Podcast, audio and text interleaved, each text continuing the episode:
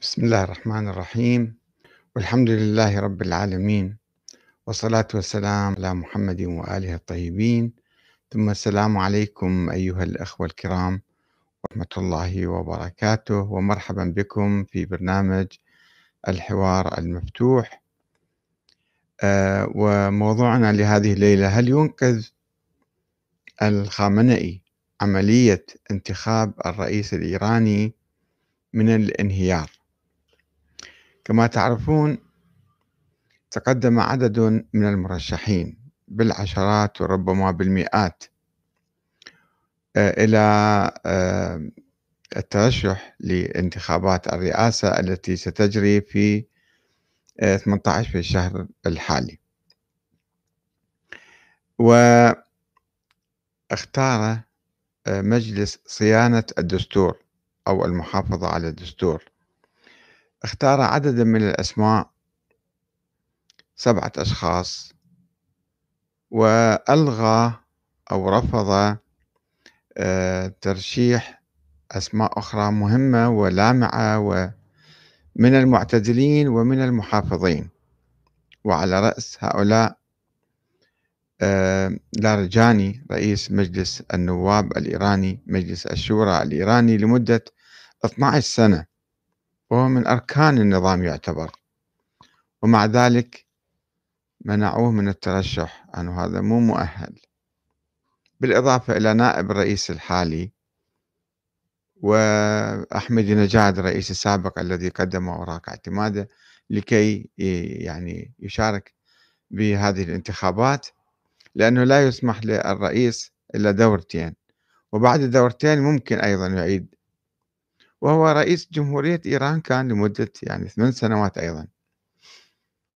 والمرشحون الباقون آه، يعني هم آه، لا يتوازنون. آه، أبرز واحد فيهم هو إبراهيم رئيسي رئيس القضاء رئيس القضاء الأعلى.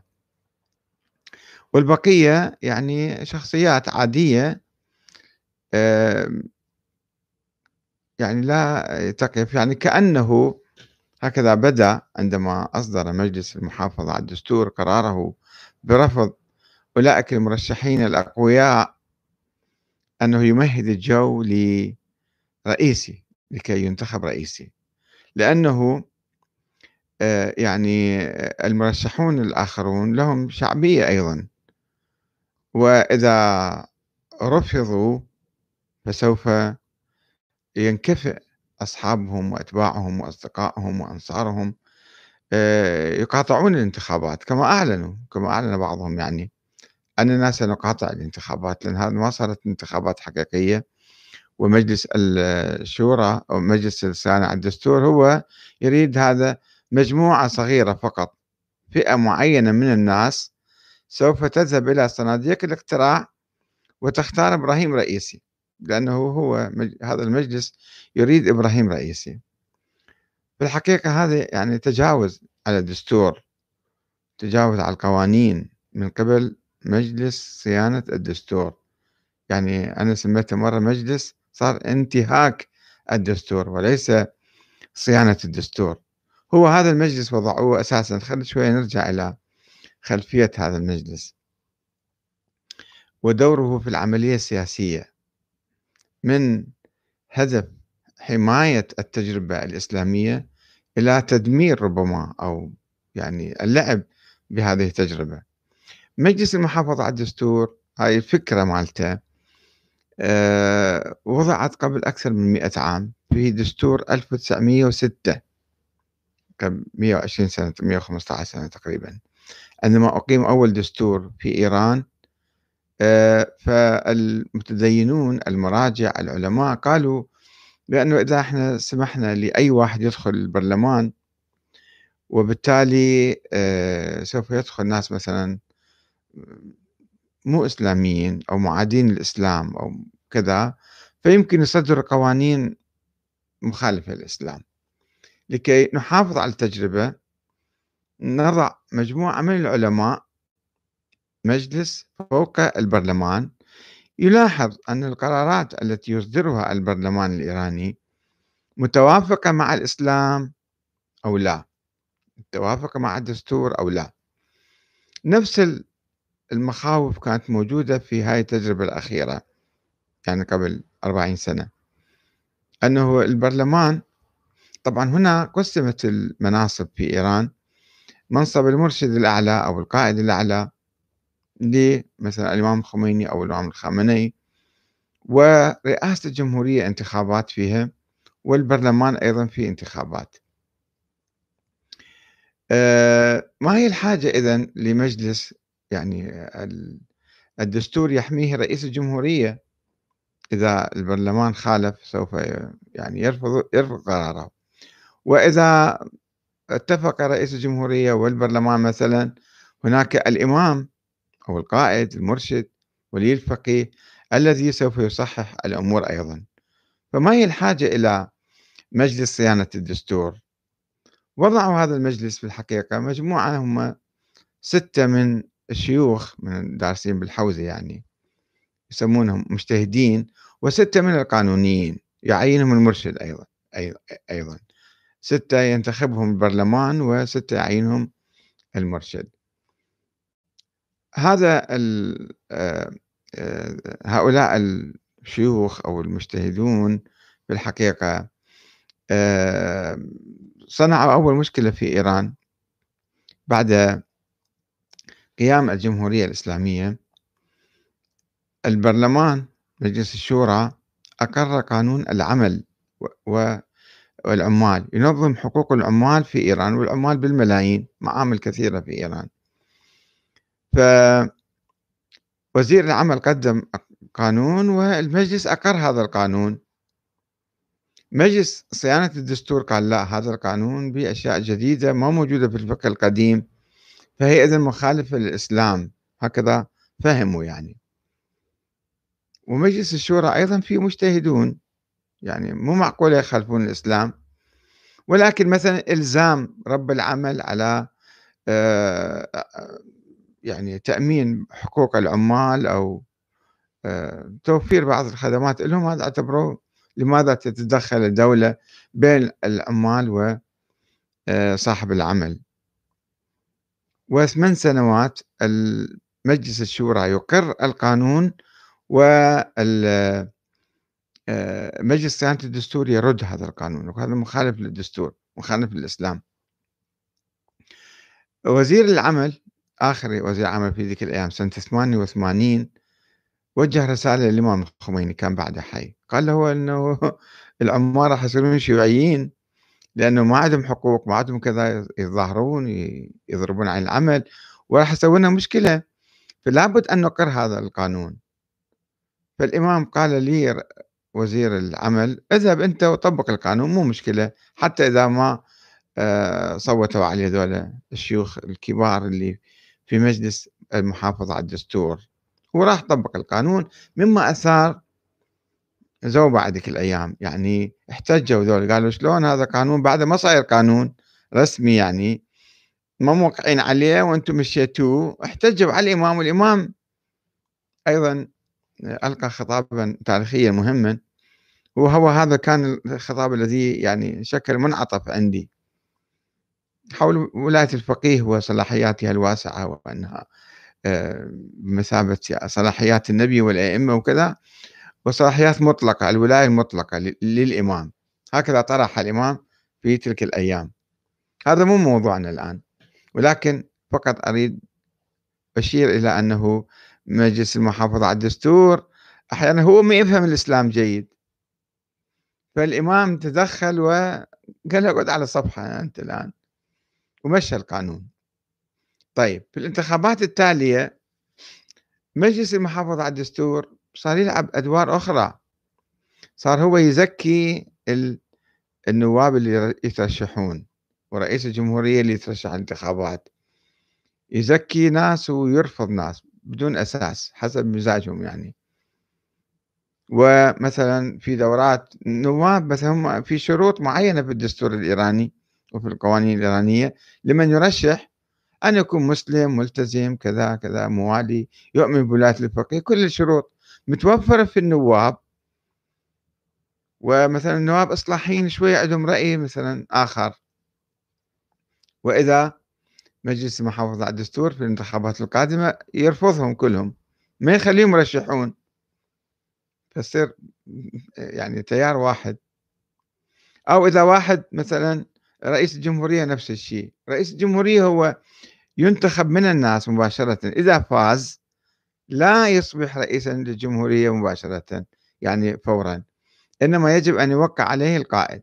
يعني عدة آه، يعني آه، مراحل لازم يمر فيها وتصفيات. مو بسهولة واحد أي واحد يصير رئيس جمهورية. ف يرفضون هذا ويقبلون ذاك بدون أسس بدون شبهات دعايات مثلا مزاج.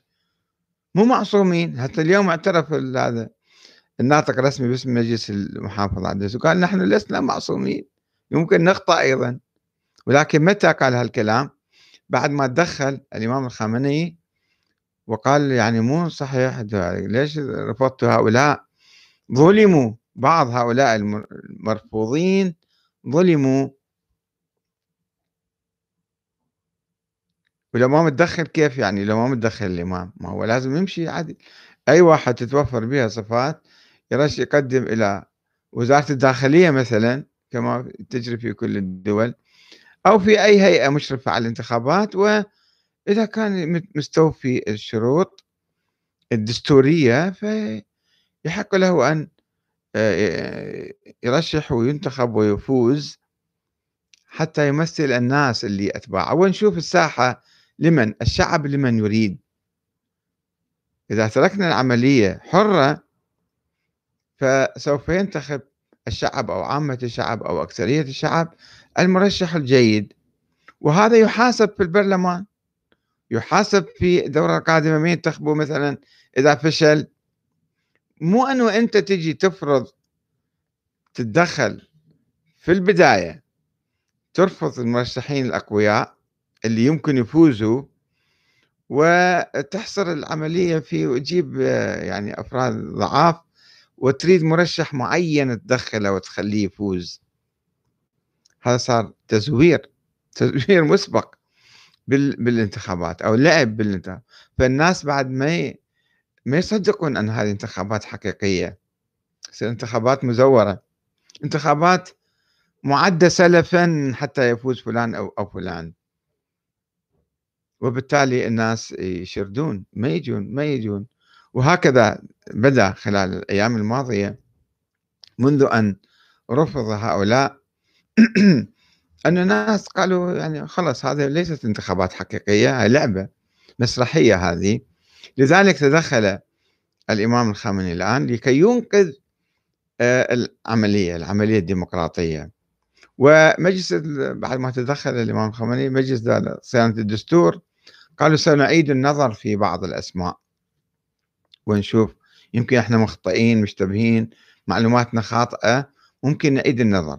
طيب من أول يوم ما كان لازم أنتم تقصون الناس من أعمدة النظام. النظام في أجنحة عديدة إصلاحيين محافظين وهم درجات أيضا. ما يجوز أنتم يعني تتدخلون بهذه الصورة الفجة وإلا يعني هذا النموذج الديمقراطي الإسلامي الأول في العالم الإسلامي أن يسقط بهذه الصورة مع الأسف الشديد. هذا شيء مؤسف أن الشعب اللي عنده مشاكل عنده هموم عنده مثلا مشكلة الاقتصاد مشكلة العلاقات الخارجية مشكلة مشاكل كثيرة. فخلوا الشعب هو يبني. لماذا تفرضوا أنفسكم أوصياء على الناس؟ خلي الناس يختارون بحرية. هذا يصير مثل يعني واحد البيعة القسرية للناس. هي اسمها بيعة بس هي مو بيعة هذه. بيعة لازم تكون طوعية ومن أكثرية الناس أكثرية الناس وأنتم عندكم الإعلام بيدكم وعندكم الصحف والتلفزيون وكل شيء. خلي الناس يعني آه، يعني يعبرون عن أفكارهم ويختارون مرشحيهم الحقيقيين المرشحين اللي هم يرجوهم. لا تتدخلوا. يا مجلس صيانة الدستور. وإحنا في الحقيقة يعني أنا من خارج إيران ولكن أعتقد هاي خطوة كانت جيدة. تدخل السيد السيستاني في السيد خامنئي في الوقت المناسب لإنقاذ النظام الإسلامي. لأنه الناس إذا انصرفوا عن هذا النظام وقالوا هذا النظام غير ديمقراطي سوف يلجؤون للعنف يمكن مظاهرات يمكن تصير يعني عنف يصير. لأنه تسقط شرعية النظام. إذا إحنا لعبنا بالديمقراطية وبالانتخابات بهذه الصورة لا تبقى أي شرعية. هذا نظام فاسد نظام ظالم نظام مو عادل.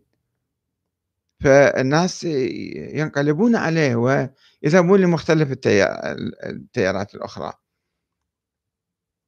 إن شاء الله نأمل أن الناس يعني يشاركون بقوة بالانتخابات وينتخبوا اللي يريدوه بعد أن يفسح للمنافسين لمختلف المنافس كما تعرفون أيضا هي العملية الديمقراطية محصورة في التيار الديني. والتيار معين أيضا ويشترط فيه أن يكون مثلا آه، شيع إمامي شيعي اثنى عشري. هسه نقول الشعب الإيراني أكثريته شيعة مو مشكلة. هو حتى لو ما حاطين هالشرط راح يفوز هذا الرجل. ولكن هذا هذا الشرط في الدستور أيضا كان غير صحيح. وذيك الأيام عندما وضع الشرط بضغوط معينة من بعض المراجع حقيقة حتى الشيخ المنتظر الذي كان يرأس آه، المجلس التأسيسي ما كان يميل لهذه ووعد السنة الذين احتجوا على هذا الشرط. قالوا يعني أنتم راح تقصونا ما يصير واحد سني يصير رئيس جمهورية. دستوريا عمليا أي شيء واحد يكون. فالشيخ المنتظر رحمة الله عليه ذيك الأيام وعد قال سوف نعيد النظر في هذه المسألة. وتمت إعادة النظر في الدستور ولم تحذف هذه الفقرة. وهي فقرة عبثية. بهذا المناسبة يعني يسرنا أن نتحدث عن الموضوع. هذه الفقرة متناقضة مع النظام الإيراني. لأن النظام الإيراني اليوم ليس إماميا إثني عشريا. إذا إحنا درسنا نظرية الإمامة سوف نعرف ذلك. نظرية الإمامة تقول بأن الإمام يعني الرئيس القائد أو رئيس الجمهورية أو أي واحد. رئيس الجمهورية يجب أن يعينه الله تعالى. هذا الشيء كلام مو معقول. كلام مثالي وخيالي وهمي كيف الله يعين رؤساء الجمهورية في العالم على مدى الله جاب أنبياء وبالقوة يعني أثبتوا نبوتهم بعد معارك طويلة.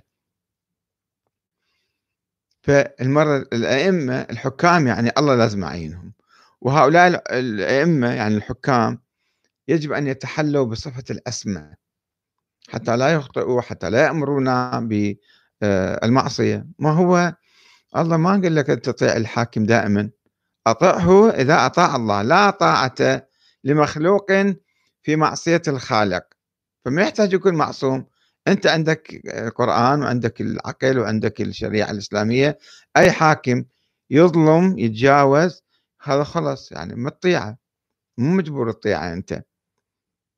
فالمهم الإمامية قالوا أن الإمام رئيس الجمهورية يعني يجب أن يكون آه، معصوما ومعينا من قبل الله ومن هذه السلالة العلوية الحسينية. وصلوا إلى طريق المسدود بوفاة الإمام العسكري وما عنده أولاد وانتهت هاي النظرية. انتهت انقرضت يعني راحت. هي نظرية مثالية خيالية وهمية. ما قائمة على أسس يعني ثابتة لا من القرآن ولا من السنة ولا من التاريخ. ناس كانوا يحكون فيها سرا يحكون فيها والأئمة ينفوها. أئمة أهل البيت كانوا ينفون هاي النظرية يقول لا إحنا منهم بهاي النظرية. الإمام الصادق في الكافي موجود. يقول لا أنا لا أقول أنني معين من قبل الله أو طاعتي مفروضة من الله. هذا كلام صعب يعني كبير جدا. المهم بعد مئة سنة ولدت الفرقة الاثنى عشرية. وقالوا الإمام الحسن العسكري عنده ولد وغائب وهو الإمام هو سوف يظهر في المستقبل. ولا يجوز لأحد أن يقيم دولة أو يقيم حكومة أو يسوي ثورة أو يأمر معروف أو ينهى عن المنكر أو يصلي الجمعة أو أي شيء عطلوا الدين ألف سنة. إلى أن حدث هاي الثورة الإيرانية. الثورة الإيرانية هي ثورة على الفكر الإمامي الاثني عشري. تقول الثورة الإيرانية نظرية ولاية الفقيه أن رئيس الجمهورية أو الإمام القائد المرشد لا يجب أن يكون معصوما ولا يجب أن يكون معينا من قبل الله ولا يشترط أن يكون من سلالة علوية حسينية. أي واحد يمكن يرشح رئاسة الجمهورية فشوفوا النظام الحالي هو ثورة على نظرية الإمامة والإثنى عشرية ويضعون في الدستور أنه يشترط في رئيس الجمهورية أن يكون إماميا إثنى عشريا. شرط عبثي مو معقول ما له محل من الإعراب. ولكن وضعوه أنا أنا كنت في إيران في تلك الأيام. صار الضغوط تعرفون أيام الأولى شريعة مداري كان ومرعش نجفي وفلان مراجع. وعندهم شيء من الإرث الصفوي أنه الشاه يجب أن يكون شيعيا مثلا وهذا رئيس جمهورية يجب أن يكون شيعيا. طبعا في آه، المنصب القائد لا يوجد هذا النص اللي هو أعلى من رئيس الجمهورية في إيران. لا يوجد أن يكون مثلا إماميا اثنا عشريا ما, ما في قائد ينتخب من الناس من مجلس الخبراء. فهاي هذا بعض التناقض الموجود يسبب مشاكل لسنا بحاجة لها وإيران ليست بحاجة لها. أنه السنة مثلا في إيران اللي هم تقريبا 30% تقريبا يقد يقدرون في من الأكراد والبلوش والعرب والتركمان والفرس أيضا فيهم سنة. فيقولون لماذا نحن نستبعد من عملية رئاسة الجمهورية؟ وهؤلاء طبعا راح شو يصيرون؟ راح يبتعدون يقول لك هاي خص... مسألة خاصة بالشيعة. ما تخصنا إنا ليش نحن ننتخب واحد؟ مثلا فأنت 30% من الشعب تقريبا أول أبعدتهم عن المشاركة الحقيقية. طيب ونجي على الشيعة. أبعدتهم سياسيا أبعدت قطاعات كبيرة من الشعب. الشيعي أبعدت من من المشاركة. فمن يبقى عندك مجموعة صغيرة هي التي تؤيدك وبالتالي النظام يضعف في الحالة هذه. فلو عدلوا هاي الفقرة وأنا أطالب آه الإمام الخامنئي حفظه الله أن حقيقة أن يعيد النظر ويطلب إعادة النظر. هاي المسألة ما يحتاج واحد هو يطلع. هم الشيعة أكثرية مثلا في إيران يطلع هو بالتالي إذا أكثرية الشيعة انتخبوه أو أكثرية الشعب فهو راح يصير الجمهورية. ما يحتاج تحطوا هاي. شوفوا الحكام العرب. هم محتكرين السلطة في عوائلهم أو في عسكرهم أو في أحزابهم وطوائفهم. ما يحطون أنه الشرط يجب أن يكون رئيس الجمهورية مثلا سنيا أو يكون مثلا لأنهم يعني متأكدين من فوزهم بهذا المنصب أو احتكار هذا المنصب لهم. فالتجربة الإيرانية في كتابة الدستور في الحقيقة أخطأوا خطأ كبيرا في وضع هذا الشرط العبثي. أسميه عبثي ما له أي معنى. آه طيب ولا نجي نضيف عليه أنه نخرب العملية الديمقراطية أنه نبعد ناس آخرين؟ بعد ما يبقى الناس ما, ما يصبح نموذج. تصدير الثورة. تصدير الثورة ليس بالسلاح وليس بمثلا المال أو بال بالنموذج. إذا أنت بنيت نموذج راقي وجيد وناجح كل الناس سوف يتطلعون إليك. ويقتدون بك ويقولون والله إذا نكرر هاي التجربة عندنا راح إحنا أوضاعنا تتحسن مثلا. فإذا تريدون مثلا تقدمون هذه التجربة للعالم خلوها تنجح. تنجح في مجال الحريات في مجال العدالة في مجال القانون في مجال الالتزام الدقيق بالدستور. مو اللعب. ما يجوز الشيوخ معممين يلعبون بالدستور. يعني ظلم هذا ظلم وفساد في الأرض كبير. والحمد لله الآن قالوا راح نعيد النظر. خلي مو بس بهاي المسألة في مسائل كثيرة يجب أن نعيد النظر هؤلاء. وكثير من ال... لازم واحد يعني آه، يعيد النظر في سياسته وفي مواقفه وفي بكل مجالات الحياة. دائما ليس منا حديث مشهور عن الإمام الصادق هذا. ليس منا من لم يحاسب نفسه في كل يوم وليلة. ف نأمل أن آه، أن تنجح هذه التجربة وتقدم للعالم الإسلامي تجربة رائعة في العدالة وفي الحرية وفي احترام القانون وفي الالتزام بالدستور. ونشوف بعض الأسئلة الأخرى إذا نعم. إذا آه، نكتفي بهذا القدر وسوف نلتقي وإياكم في مواضيع أخرى إن شاء الله. والسلام عليكم ورحمة الله وبركاته.